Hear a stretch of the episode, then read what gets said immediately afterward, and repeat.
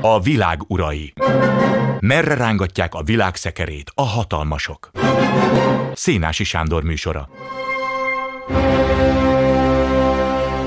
Németország döbbenetes süllyedés mutat be az utóbbi időben, és egyáltalán nem arról van szó, hogy a vasutasok sztrájkolnak, miért és hogy ez meddig húzódik el, illetve hogy a német gazdák a traktoraikkal kint vannak a közutakon, és korábbi kedvezményeiket szeretnék helyreállítani. Nem is csak arról van szó, hogy a német költségvetés most éppen milyen állapotban van, hát éppen átírt állapotban van egy alkotmánybírósági döntés után, hanem ennél sokkal jobban leírja a helyzetet egyébként a nemzetközi valuta alattnak az előrejelzése. Azt mondja, hogy Németország az egyetlen olyan G7-es gazdaság, amely 2023-ban, tehát a múlt évet teljes évnek véve most már ez lehet, zsugorodik, és a növekedés 2024-ben 0,9%-kal jóval a fejlett gazdaságok 1,4%-os átlaga alatt marad. Hogy Németország válságtüneteket mutat, az azonban nem csak a gazdaságon látszik, hanem a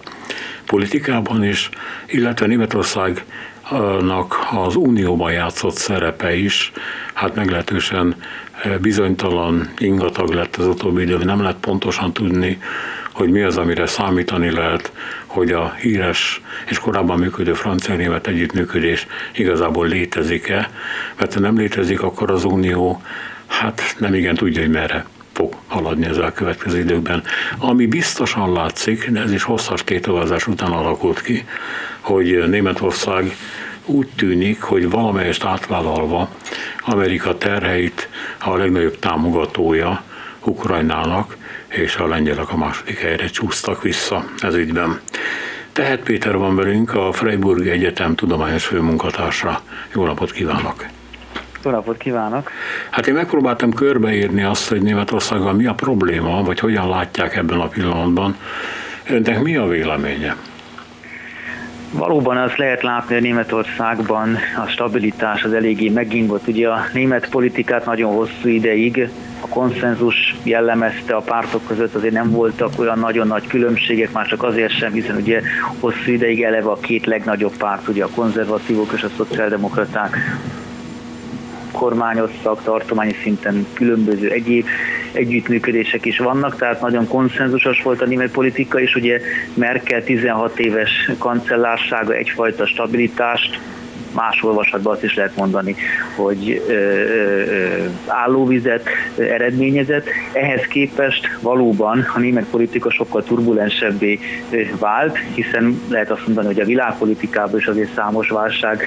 jelenség van, de az elég nagy gond, hogyha Németországon, mégiscsak azért továbbra is az Európai Unió legnagyobb gazdasága ilyen válságjeleket mutat. És azt lehet látni, hogy a berlini kormány, amely ugye a szociáldemokratákból, a zöldekből és a jobboldali liberálisokból áll, nem képes egy egységes irányt találni, folyamatosan egymás belső ellenzékeiként működnek, amivel leginkább maguknak ártanak, tehát mind a három kormánypárt jelentősen veszített a népszerűségéből, alig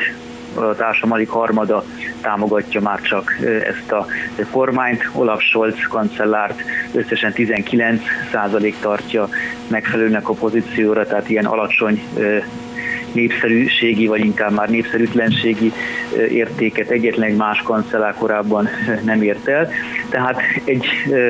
irány nélküli kormányzást lehet látni, amely ennek révén értelemszerűen a társadalom ellenállását is kihívja, és főleg arról lehet, azt lehet látni, hogy ugye a zöldek, akik hatalomra kerültek, ők különösképpen a klímapolitikában szerettek volna nagyon gyors és radikális változásokat megtenni, és ezek úgy tűnik, hogy azért a társadalomban mégsem találnak akkora nagy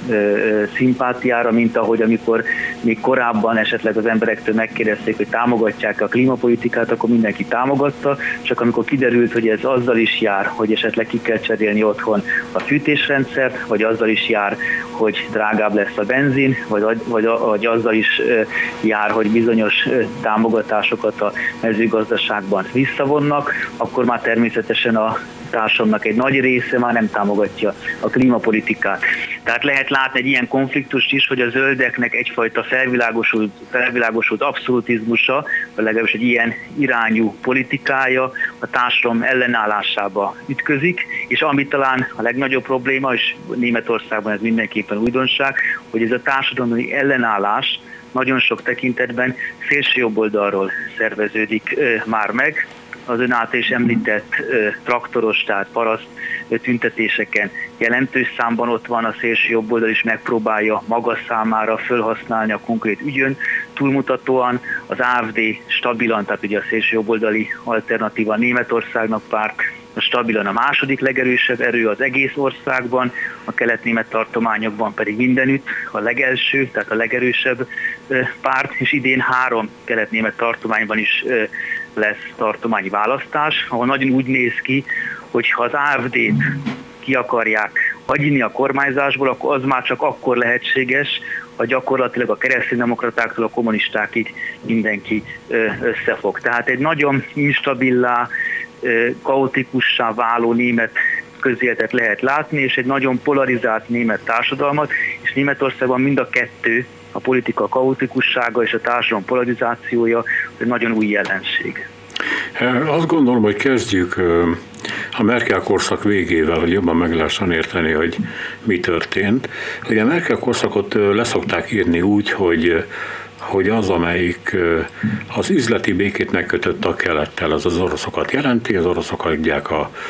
a gázt, az olajat, mi fizetünk, és akkor van egy olyan egyensúly, amitől Merkel azt gondolta, hogy az oroszoknak nem éri meg fölrúgni, mert hát a biznisz mindenek előtt. Ugye ez egy nyugatnémet vagy német vezetőnek az agyában így van, aztán Putyin agyában meg nem így volt és hát ezt egy kicsit később tanulták meg. Ami a gazdaságot illeti, ott pedig nagyon jellemzően eh, szokták elővenni a a mobilizációk, nem mint a mobiltelefonok elterjedésének és használhatóságának a a lehetőségeit Németországban, ahol hát egy fejlett nyugati országhoz méltatlanul rosszul épült ki ez a rendszer, és volt használhatatlan, a mobil sokáig nem tudom, hogy még mindig ez a helyzet, illetve, hogy a gazdaságban beállt egy olyan állapot, amikor az autógyártás, az autóexport, a gépipar, az teljesítményére épül az egész gazdaság, ahol viszont nem történtek változások, nem történtek korszerűsítések, nem mentek utána azoknak a modernizációs törekvéseknek, amelyek máshol leírták az ipart. Tehát Németország valahol leállt, és ami az Uniót illeti, ahol az egyik vezető eh, nagyhatalom volt, és természetesen ma is az, ott meg megelégedett azzal, hogy a, az Unió középponti törekvései gyakorlatilag leírták a német érdekeket, tehát ezzel sem kellett sokat foglalkozni. És hát ebből az álomból e, robbantotta ki Németországot talán 2022. februárjában az orosz invázió. Vagy már korábban elkezdődött? Nem, az biztos, hogy, hogy az, az ukrán-orosz háború volt az, amely felrázta a német politikát. Tehát valóban ön is mondja, a német politikát különösképpen Merkel az, az jellemezte, hogy stabilitásra kell törekedni. Ez azt jelentette Oroszország irányába, hogy nem egy konfrontatív politika, tehát például mondjuk a Krím elfoglalása után is Németország még ugye az északi áramlat kettőről megállapodott Oroszországgal, ugye 14-ben foglalt el Putyin Krímet, és 15-ben állapodtak meg a németek és az oroszok az északi áramlat kettőről, tehát mint hogyha mi se történt volna mert azt gondolták, hogy hát ha az oroszokkal tárgyalunk, ha az oroszokkal gazdaságilag kapcsolatban maradunk, akkor valamilyen módon le tudjuk őket nyugtatni, és persze azért tegyük hozzá egy hatalmas német gazdasági előny is volt ez. A német gazdaság nagyon olcsón kapta az orosz gázt, tehát nagyon sok tekintetben éppen ez adta meg az, a német gazdaságnak az előnyét, hogy az oroszoktól hát nyersanyagot relatíve olcsón tudott beszerezni. A másik stabilitási pont, ami szintén egy ilyen hamis stabilitás volt, az az Európai Unión belül, ahol szintén látható volt, hogy Merkel pusztán arra törekedett, hogy ne legyen nagyobb válság, éppen ezért tűrte el, vagy hát a CDU-CSZ nagyon hosszú ideig aktívan támogatta is ugye az Orbáni politikát Magyarországon, vagy akár mondjuk a Balkánon Alexander Vucicot is Németország nagyon erősen támogatta, mondván, hogy hát ő valamiféle stabilitást teremt Szerbiában, még mindig jobb az ismert rossz, mint a, a bizonytalan, és ebben a mentalitásban támogatták Orbánt is, vagy Vucicot is Szerbiában. Az Európai Unión belül se történt semmiféle nagy reformlépés, az Oroszországa való kapcsolatban pláne nem, és az ukrán-orosz háború aztán megmutatta, hogy ez a modell nem működik. Egyrészt nem működik geopolitikai értelemben, tehát és külpolitikai értelemben, hiszen mégsem tudták az oroszokat úgymond lenyugtatni, megbékíteni ezzel a gazdasági politikával, hanem látható volt, hogy Putyin mégis arra készült, hogy valamilyen módon visszaállíthassa a Szovjetuniót, tehát egyszerűen megbukott a merkeli külpolitikai alapvetés, hogy, hogy a gazdasági kapcsolatok révén autokráciákkal is lehet békében együtt élni az Orbáni, az Orbán szembeni politika is azért megbukott, ez láthatóvá vált, hogy nem tudták az Orbán se ennek révén valamilyen módon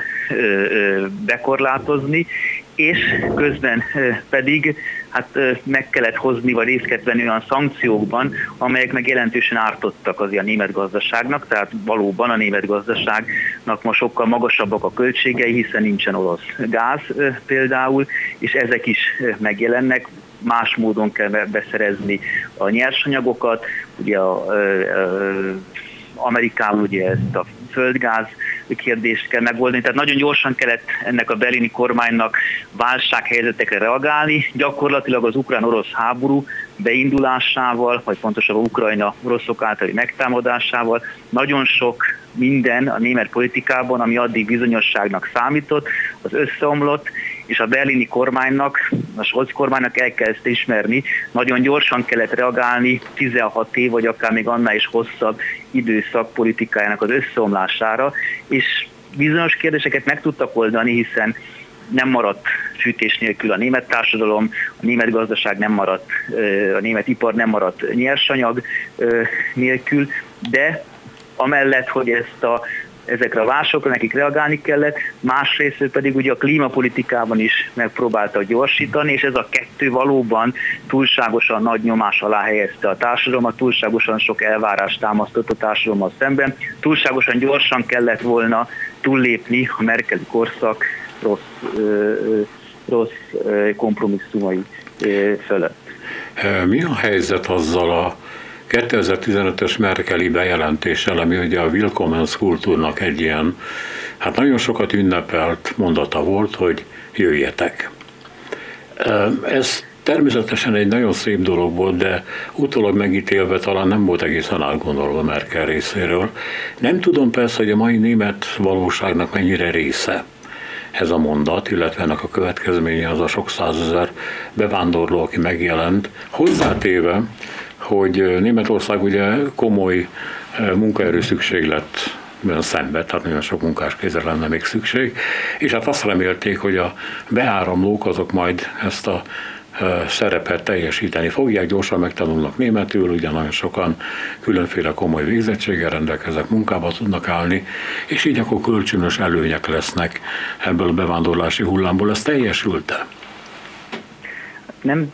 különösebben, és a migráció kérdés az továbbra is nagyon megosztó téma a német politikában, tehát a szélső oldal megerősödésének egyik oka éppen ez, hogy úgy érzik, hogy nem sikerült teljesen beszorítani, beszorítani a migrációt. Az másképp jóval kevesebben jönnek, egyébként évről évre csökkenő számban érkeznek migránsok Németországba, de a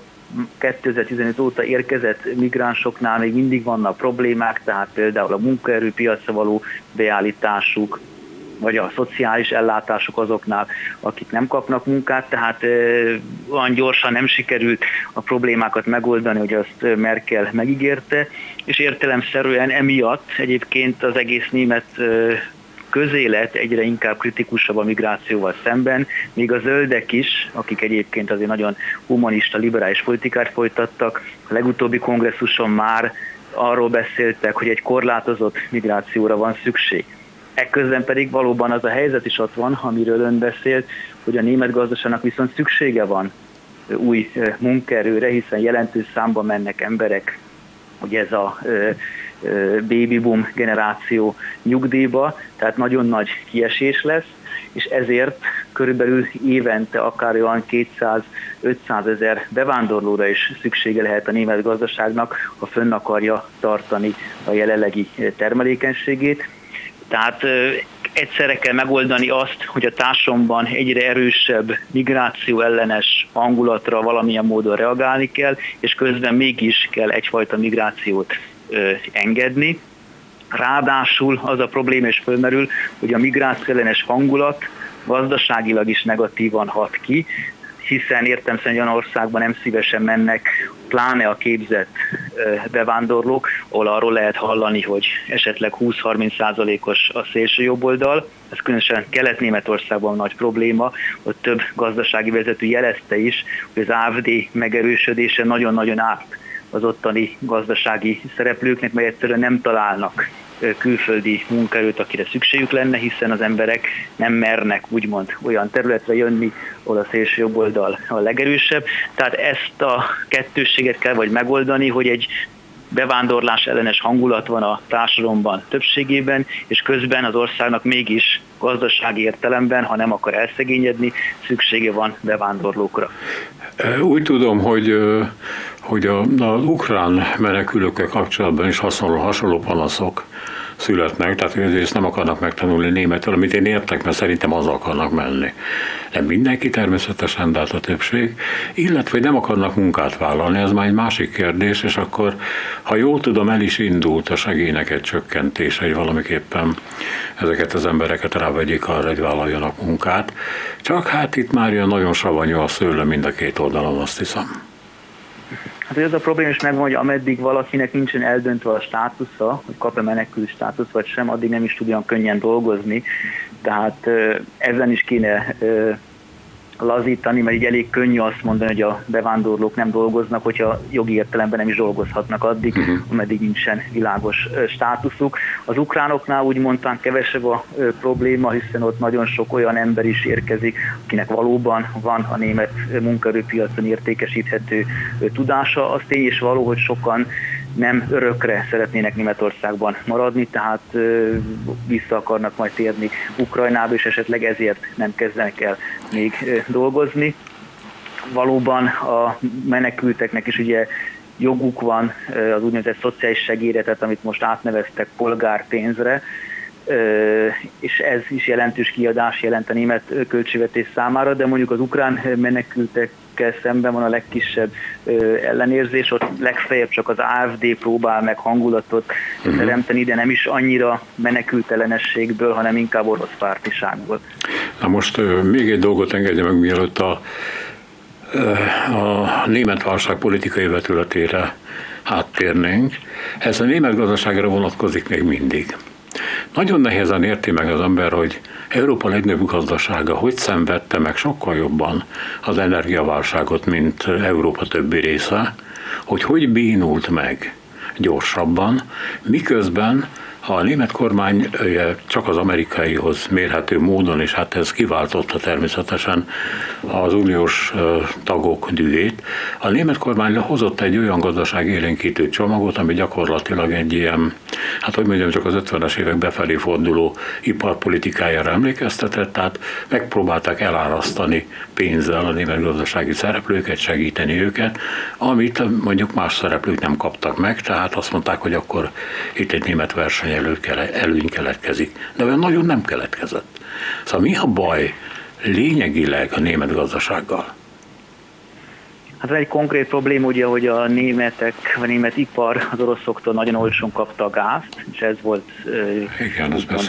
Igen. az alapanyag a német ipar számára, és ez megszűnt, és emiatt egyébként ma a német ipar energiaköltsége jóval nagyobb, mint akár mondjuk Franciaországban vagy más Németországban, szomszédos országban. Tehát az energiaköltségek révén elvesztettek egy piaci előnyt, miközben korábban éppen a nagyon alacsony energiaköltségek jelentettek számukra egyfajta előnyös helyzetet, valamint a gazdaság struktúrája, és ugye még az elején is, is említette, hogy az autóiparra való koncentráció, az is egyfajta probléma, tehát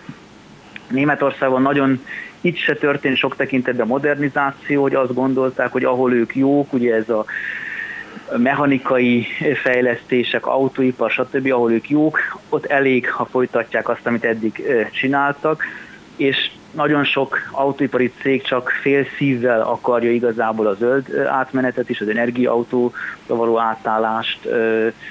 és ezért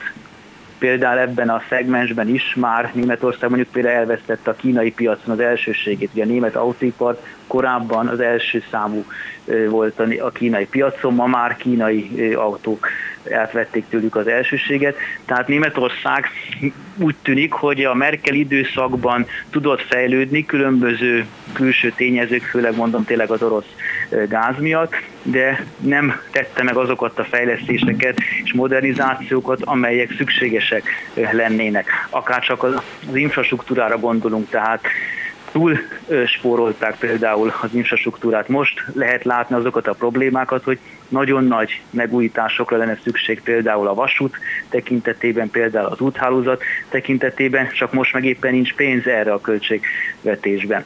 Tehát nagyon sok probléma amit a Merkeli korszakban szűnyeg alá tudtak söpörni, az most előjött, és ekközben van egy olyan kormány, amely maga nem is tudja, hogy milyen irányba kéne menni, mert a zöldek azt akarják, hogy teljes mértékben egy modern zöld gazdasággá váljon a német ipar, a szociáldemokraták értemszerűen védenék a hagyományos ipart, hiszen a szavazóik egy nagy része ott dolgozik, a szabaddemokraták pedig leginkább abban érdekeltek, hogy a, az ipari köröknek semmiféle bántódásuk ne essék, és továbbra is profitot tudjanak termelni, ha kell azon az áron, hogy a szociális kiadásokat csökkentik. Nagyon sokan azt mondják, hogy igazából elég lenne a kancellárt leváltani, és akkor ez a gyalázatos 27%-os támogatói arány, amit most a koalíció hát el, el, elben élvez, ez emelkedne, és már is javasolják Pistorius, a védelmi minisztert, aki, akinek van nimbusza a társadalomban, tehát elfogadják, kemény, jó szakembernek, jó politikusnak tartják, de hát mennyire reális ez a csere, hogy itt lovat váltanak menet közben? Hát ezt a hírt, hogy Scholz idén visszalépne és Pistorius védelmi miniszter követni a kancellári poszton, ezt egyébként az olasz Republika napilap írta meg legelőször, hogy nekik lennének ilyen információik. A német sajtóban ezt még azon túl, hogy ők is átvették ezt az olasz napilapban megjelent hírt, erről nem sokat írtak. Ugye Németországban nem túl gyakran fordul elő, hogy kancellárt váltsanak, ráadásul ugye csak úgy lehetne kancellárt váltani, hogy a saját koalíciója egyszerűen megvonja a bizalmat Scholztól. Scholz persze vissza is léphetne, de azért ez is egy nagy veszteség lenne, arcvesztés lenne a szociáldemokraták számára. Az biztos, hogy Pistorius valószínűleg jobb kancellár lenne, egyrésztről nagyon népszerű, ez nagyon érdekes helyzet, hogy általában ugye mindig a külügyminiszter vagy a köztársasági elnök szokott a legnépszerűbb lenni, ma Németországban Pistorius honvédelmi miniszter a legnépszerűbb politikus, valószínűleg összefügg ez a háborús helyzettel is, de ő egy nagyon energikus politikusnak tűnik, ellentétben Scholzal, akit hát gyorsasággal vagy nagyon impulzitása nem lehet vádolni, tehát válságok idején el tud tűnni akár napokra, és nem mond semmit, hogy akkor most mi legyen. De igazából ezen olasz híren kívül a német sajtóban ez nem uh-huh. tekintik egyelőre komoly, komoly opciónak, de az biztos, hogy valamit kell reagálni. Tehát ha mondjuk például a kelet-német választásokon, kelet-német tartományi választásokon teljesen összeomlik a koalíció, például mondjuk Szászországban úgy néz ki, hogy a szociáldemokrata párt még a parlamentbe se jutna be. Tehát nem csak az, hogy veszít, hanem egyszerűen kiesne a legnagyobb úgymond kormánypárt a 100 parlamentből 2-3 százalékon állott most az SPD, tehát hogyha ekkora jellegű válságok történnek, politikai válságok, akkor arra valamilyen módon valószínűleg reagálni kell. Az egyik lehetőség, hogy kicserélik a kancellárt, a másik lehetőség pedig, hogy a liberális szabaddemokraták egyébként is sok tekintetben kilógnak jelenlegi kormányból, és ez is sokban oka a kormány belső válságának, hogy a liberálisok mindent fékeznek és akadályoznak, ami a szociáldemokratáktól és a zöldektől jönne. Tehát egy másik lehetőség, hogy esetleg a liberálisoknak lesz elegük, és kilépnek. Például a liberális szabaddemokratákon belül volt is egy népszavazás, mondjuk így, egy szavazás a tagságon belül, hogy hagyják-e ott a kormányt vagy sem, és csak nagyon-nagyon minimális arányban, ilyen 52-48 arányban győzött az, hogy maradjanak még a kormányban, de ez mutatja, hogy a tagságnak majdnem a fele, az már a kilépés mellett lenne a szabaddemokratáknál. Igazából az AFD feljövetele az északi országok példáját vetíti kicsit Németország elé. Ott ugyanis megtörtént az, amit korábban nem tartottak elképzelhetőnek, hogy tudnék a jobb közép, adott esetben mondjuk a német országra vetítve a CDU, CSU, és a szélső jobb, tehát mondjuk az AFD összeállnak. Ezzel kapcsolatban egy beszélgetésben Lengyel László azt mondta, hogy hát itt az a kérdés vetődik fel, hogy ki civilizál kit. A szélső jobb a jobb közepet, vagy pedig jobb közép a szélső jobbot. Minden esetre ilyen összeállások azért eléggé rémisztőek tudnak lenni. Na most az, hogy az AFD a második helyen van, az, hogy ez a koalíció bukni fog, ez ugye a többé-kevésbé látszik, és a benne szereplő pártok is nagyon sokat veszítenek. Az, hogy az AFD-nek már szintén stabil a második helye. Ez mit vetít előre egy új választáson, ahol nyilván a CDU-CSU jön majd elő újra. Két kérdés. Attól a CDU-nak van-e víziója, van-e látomása egy új Németországról? A másik, hogy mit kezd az AFD-vel? Összeáll vele, vagy nem? Ugye a CDU, a CDU ugye, ez ugye a CDU CSZ az hivatalosan két külön párt, csak valóban országosan együtt szoktak mozogni. Tehát a CDU-t a Merkeli korszak vége után miután 2021-ben elkezdték a választásokat, Friedrich Merz vette át, tehát ugye most ő a pártelnök. Ő egy régi motoros, aki ma 90-es években, a 2000-es évek elején is ott volt a CDU környékén, frakcióvezetője volt a pártnak, csak aztán a 2000-es évek elején Merkel kiszorította őt, és gyakorlatilag 20 évig Friedrich Merz eltűnt a gazdasági világban, ahol milliómossá vált, és kivárta, hogy Merkel végre eltűnjön, és 20 éve később visszatérhetett a CDU-ba, a CDU élére, és ő egy sokkal jobboldalibb, konzervatívabb politikus, mint Merkel, és az látható, hogy a CDU teljes mértékben megpróbálja kidobni a merkeli pragmatizmust, és egy sokkal jobboldali irányt vesz, Egyébként Merkel maga is a CDU-val majdnem szakítani készül, felajánlották neki, hogy ő legyen a párt tiszteletbeli elnök, elutasította ezt a pozíciót, sőt Merkel a párt alapítványából, ugye a Konrad Adenauer alapítványból is kivonult látványosan, tehát érezhető, hogy Merkel és a CDU között teljes a szakítás. Merc iránya az, és neki az a válasza, hogy a jelenlegi kormányal szemben kell egy nagyon radikális alternatívát állítani, abban az értelemben, hogy egy nagyon határozott a jobboldali konzervatív alternatívát, és akkor le lehet győzni ezt a kormányt, illetőleg el lehet vinni szavazókat a szélső jobboldalról is. Tehát a CDU újra mondjuk az atomenergia mellett van, a CDU elutasítja a különböző társadalompolitikai progresszív intézkedéseket, a melegházasságot, a transzok bejegyezhetőségét, a cannabis legalizációját, egy nagyon szigorú migrációpolitikát követel, tehát minden kérdésben gyakorlatilag visszatérnének a Merkel előtti CDU-hoz ahhoz ez a politika elegendő, hogy továbbra is ők a legerősebb párt, 30% körül, körüli népszerűséggel, de azért azt lehet mondani, hogy ha ennyire rosszul kormány az egy kormány, mint jelenlegi berlini, akkor elvileg a CDU-nak már valahol 40% körül kéne járnia, mégsem járnak ott, mert a kormányal szembeni ellenérzéseket valahogy az AFD tudja jobban meglovagolni, már csak azért is, mert a CDU maga is ezzel a kemény jobbra fordulásával hozzájárul a társadalom polarizációjához. Tehát például Friedrich Merz kijelentette, hogy az első számú ellenségek a zöldek, miközben mondjuk számos tartományban velük együtt kormányoznak, de ez egy más kérdés. Tehát első számú ellenségek a zöldek, tehát egyfajta kultúrharcos retorikát is használ a progresszív, globalista, stb. zöldekkel szemben, de ez a polarizáció mégis a szélsőjobbnak kedvez, hiszen hogyha a társadalom két része szakad, akkor úgymond a jobboldali részt az AFD tudja még hitelesebben, még keményebben képviselni, és a CDU-nak ezért kell valamilyen módon valóban az AFD-t reagálni. A jelenlegi hivatalos politika az, hogy semmilyen szinten, a legkisebb faluban sem lehet az AFD-vel együttműködni. Friedrich Merz többször elmondja, hogy ameddig őt látják, addig semmiféle együttműködés az AFD-vel nem lehetséges. De azért már most is vannak egyébként bizonyos együttműködések, például kelet-német tartományokban akár együtt szavaznak. Ilyenkor a CDU azt mondja, hogy ő nem tehet arról, ha az AFD is megszavaz egy, esetleg egy CDU-s beadványt, ez nemrég Türingiában történt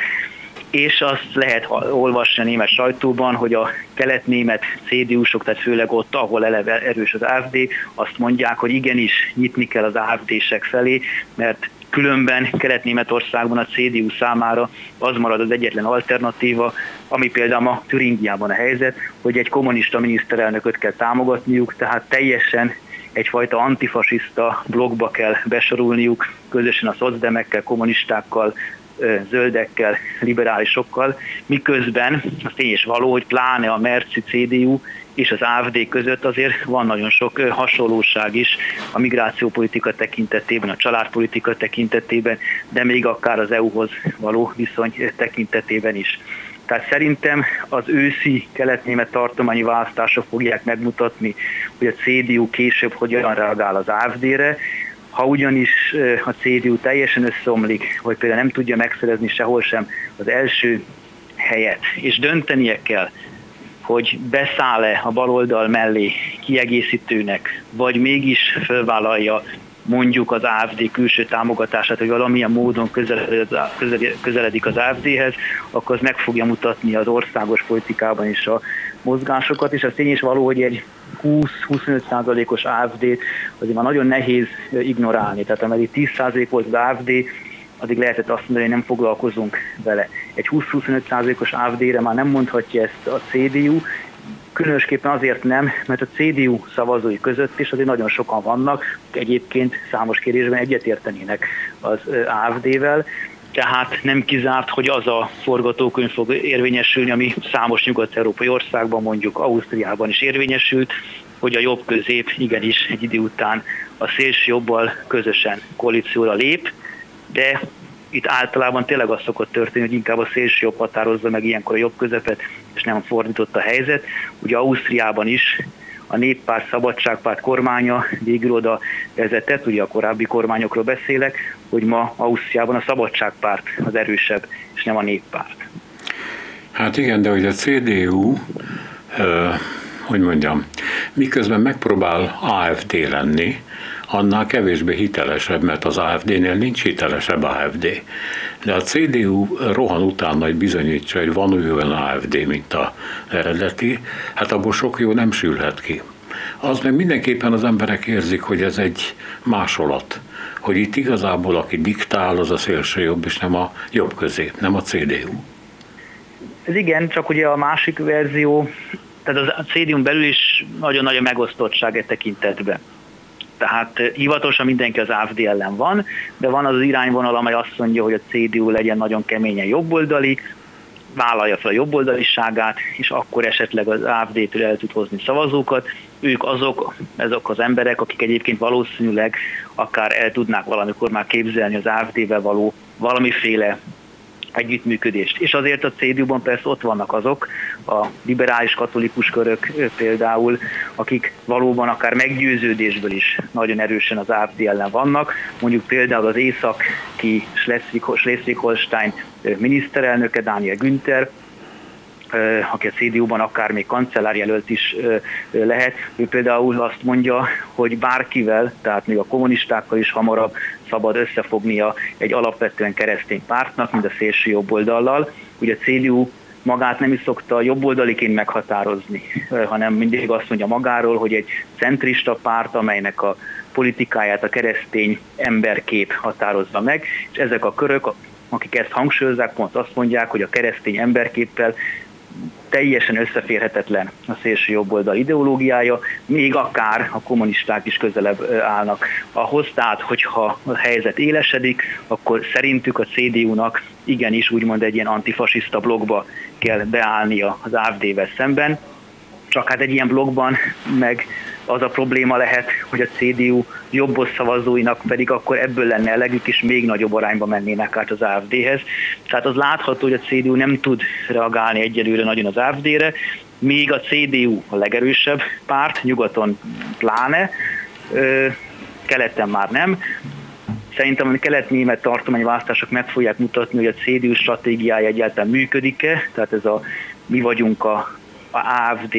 másolata, de azért kicsit mérsékeltebbek vagyunk, tehát működik ez a stratégia, és hogyha nem működik, akkor hogyan reagálnak rá. Teljesen elutasítják az AFD-t utána is, vagy legalább a kelet-német tartományokban azt mondják, hogy hát akkor mégiscsak együtt kell működni. Hát amit ön most elmondott, vannak, vannak az... olyan emberek is, akik azt mondják, hogy az AFD mérséklődéséhez is hozzájárulna, ha bevennék a kormányba. Igen, Tehát, igen. az AFD-t folyamatosan egy ellenzéki helyzetbe tartják, ráadásul úgymond egy rendszer ellenzéki helyzetben tartják, akkor az AFD-nek kedvezne. Hát ez a finn meg a svéd ideológia, aztán meglátjuk, hogy sikerül-e, de amit ön elmondott, hát abban nagyon keményen benne van, hogy pártszakadás is. Igen, szerintem pártszakadás nem lesz, tehát az ennél stabilabb a CDU, és a tartományok, tartományi szervezeteknek nagy önállóságuk van, tehát az, hogy mi történik a 100 CDU-ban, az az ő dolguk, lehet, hogy ez az északi CDU-nak nem tetszik, de nem tudnak nagyon beleszólni. Inkább majd a kancellári kérdésnél fog eldőlni, hogy milyen irányt vesznek, hiszen Friedrich Merz pártelnök úgymond az első számú jelölt a kancellárságra, vagy ott vannak a mérsékeltebbek, például az említett Dániel Günther, hogy ő lesz a kancellár jelölt, most inkább Friedrich Merz tűnik befutónak, tehát például Markus Söder, Bajor kormányfő, hogy a számiszterelnök is azt mondták, hogy hát Merz a pártelnök, ő kell, hogy legyen a kancellár jelölt is, amivel viszont az is eldőlni látszik, hogy a CDU egy markánsa jobboldali programmal akar nekivágni majd a következő parlamenti választásnak. Mi várható az európai parlamenti választáson? Ugye nagyon sokan, hát többek között Orbán is, reménykednek abban, hogy egy szélső jobboldali áttörés következik be. Hát ebben mondjuk a spanyol Vox leszerepel, tehát őre sokat nem lehet várni, az AFD-től annál inkább. Az AFD most ugye ebben a pillanatban a löpenféle konfigurációval van egy platformon, de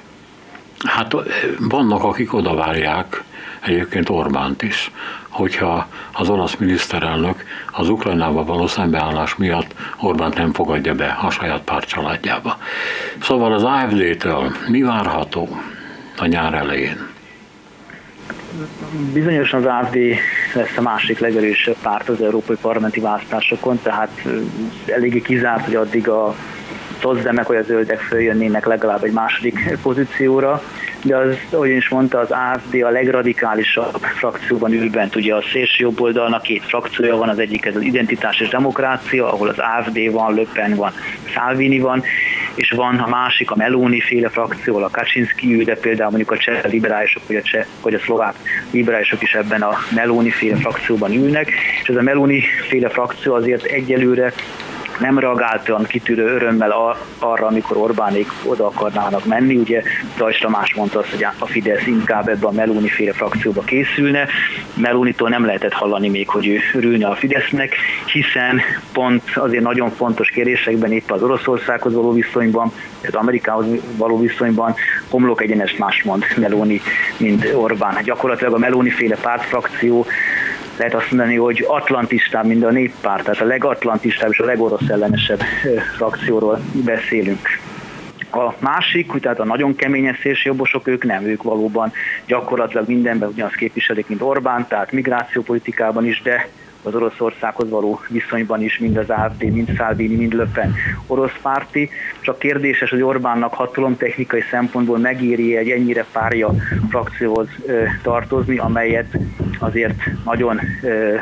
minden értelemben az Európai Parlament szélén ül, és hozzá kell tenni, ugye Orbán ugye többször maga is elmondta, hogy az AFD-vel pragmatikus okokból nem akar együttműködni. Ugye ezzel az azt érti, hogy a német gazdaságtól nagyon függ Magyarország, Orbán maga is, és azért a német gazdaság számára az AFD továbbra is egy tabu, tehát nem szívesen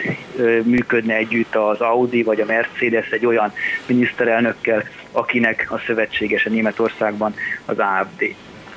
Voltak éppen, és kerítsünk erre sort, mi az, amit az AFD képvisel? Vagy mondjuk, hogy szélsőjobboldali, ez Németországban ugye megidéz bizonyos hitlerista hagyományokat is, de nem feltétlenül van ez így. Mert hiszen az idők változnak, és a szélsőségek is, hogy mondjam, új célpontokat találnak magukat, nem mintha tartalmuk olyan nagyon különböző, mert nem tud. De mondom, a célpontok változhatnak. Tehát mi az, amit az AFD ma képvisel, és mi az, ami ebből tetszik nagyon a keleti tartományokban, és valamennyire a nyugatiban is,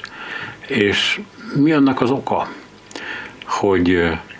hogy elkezdtek bízni egy szélsőséges, szélről jövő pártban, ami azt is jelenti, hogy hát a jelenlegi politikai elit az úgy megy a levesbe. Mármint az ő megítélményt, a nép, a, az emberek többségének, vagy jelentős többségének a megítélése szerint. Az AFD-t valóban náci pártnak nevezni, ez minden értelemben túlzás, eleve történelmietlen is, tehát értelmszerűen nem ugyanazt akarja az AFD, mint amit Adolf Hitler a 20-as években. A célpontok is változnak, tehát mondjuk az AFD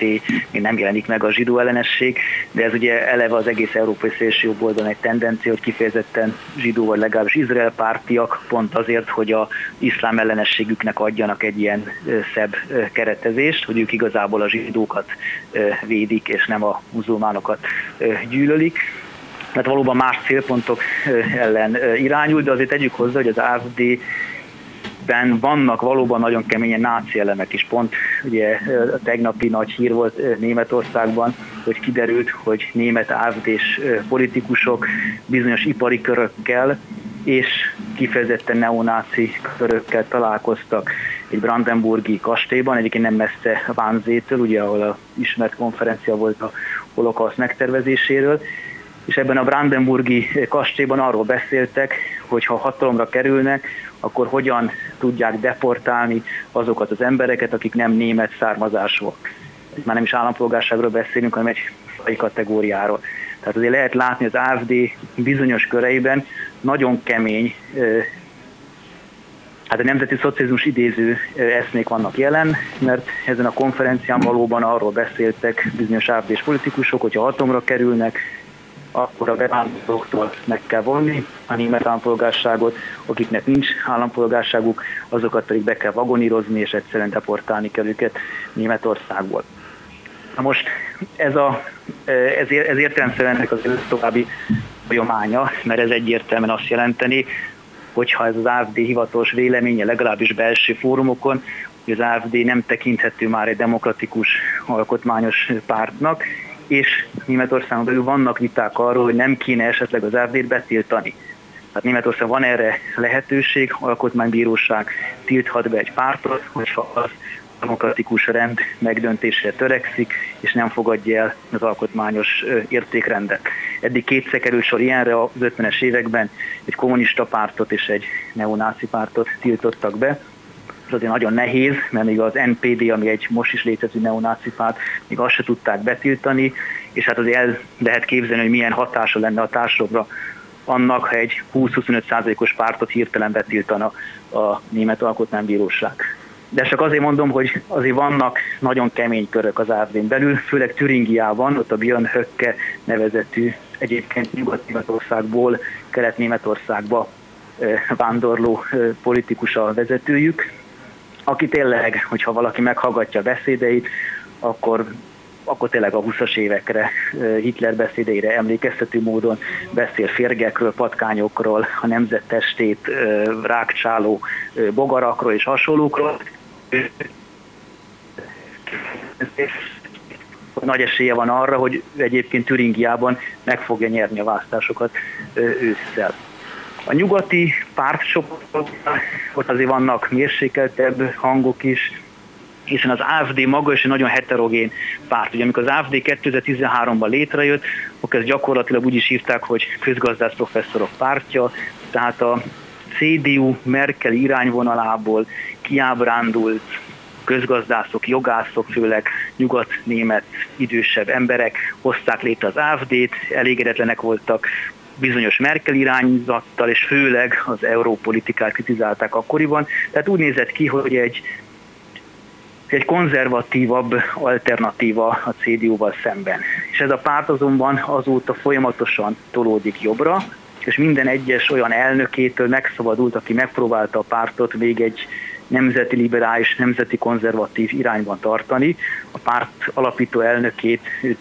gyakorlatilag elüldözték a konferencián, de most már tényleg az AFD-ben nincsen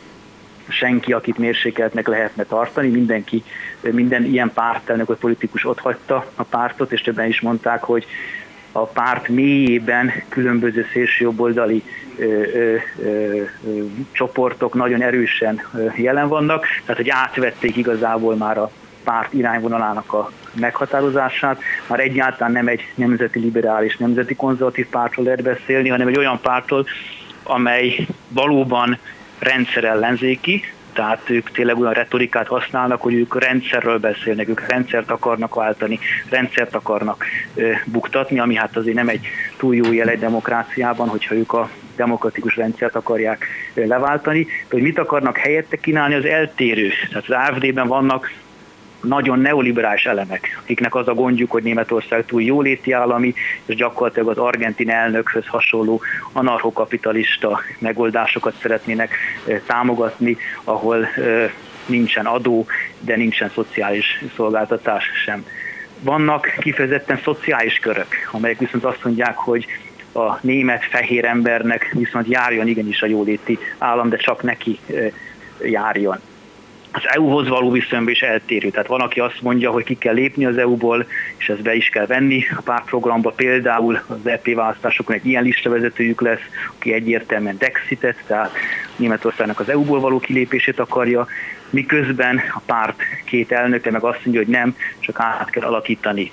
az EU. Tehát igazából egy rendszerellenőrzékiséget kínál nagyon sok irányból, és ezért különböző módokon az emberek beleláthatnak mindent. Kelet-Németországban jön ehhez még hozzá egyfajta frusztráció is. Nagyon sok kelet-német úgy érzi, hogy mindig nem érték el a nyugat-németek életszínvonalát, még mindig másodrendű állampolgárok nem keresnek annyit, nem annyi a nyugdíjuk, még mindig kicsit lenézik a nyugatnémetek, a keletnémeteket, sőt, ugye pont az AFD miatt kicsit már-már majdnem ilyen szélsőjobboldali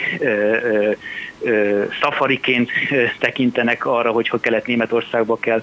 menni, és ezt a német, ezt a kelet-német frusztrációt is az AFD nagyon jól meglovagolja, ugye korábban inkább a kommunisták voltak azok, akik ezt képviselték, a Linke a német politikában, most meg az AFD képviseli ezt, hogy a nyugati felsőbbrendűséggel, arroganciával szemben a keletnémetek ügyét is képviselni kell, de hozzá kell tenni, hogy Nyugat-Németországban is azért az AFD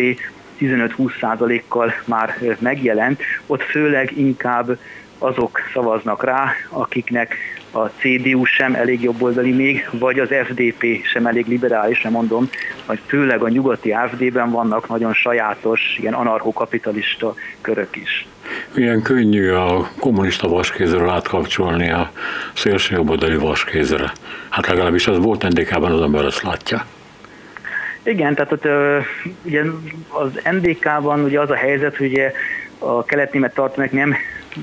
csinálták végig azokat a társadalmi folyamatokat, amelyek Nyugat-Németországban lezajlottak, akár gondolhatunk itt a múlt feldolgozására, ugye az NDK-ban mhm. nem volt múlt feldolgozás, mert azt mondták, hogy az NDK eleve egy antifasiszta állam, ezzel a kérdés meg van oldva, a bűnös az eleve a kapitalizmus, úgyhogy a múltfeldolgozás az az NSK feladata lenne. Tehát nem volt az NDK-ban múlttal való szembenézés, emiatt egyfajta német nacionalizmus sajátos módon sokkal jobban megmaradt az NDK-ban, mint az NSK-ban, és ugye az NSK-ban volt egy nagy vendégmunkás bevándorlás, aminek az eredményeképpen valóban az NSK-ban mindenütt vannak külföldiek, ez nem akkora nagy megdöbbentő helyzet a ma NSK-ban felnövő vagy ott élő embereknek, míg hogyha tényleg átmegyünk a kelet-német tartományokba, akkor azért feltűnő, hogy mennyire tényleg fehér a, és német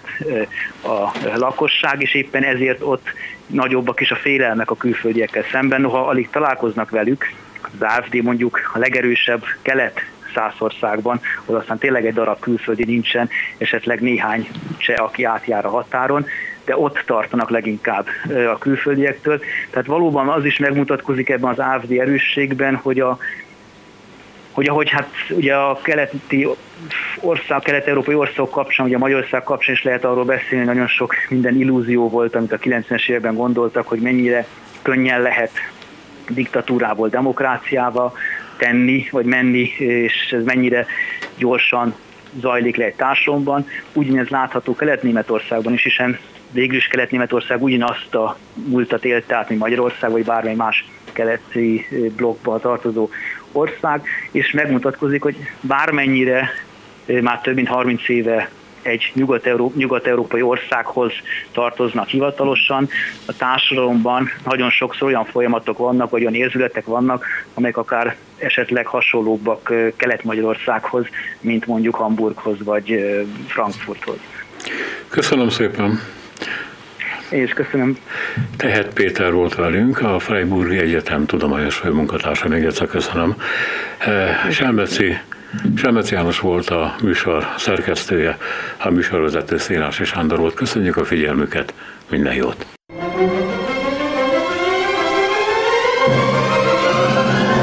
A Világ Urai című műsorunkat és Szénási Sándor műsorvezetőt hallották.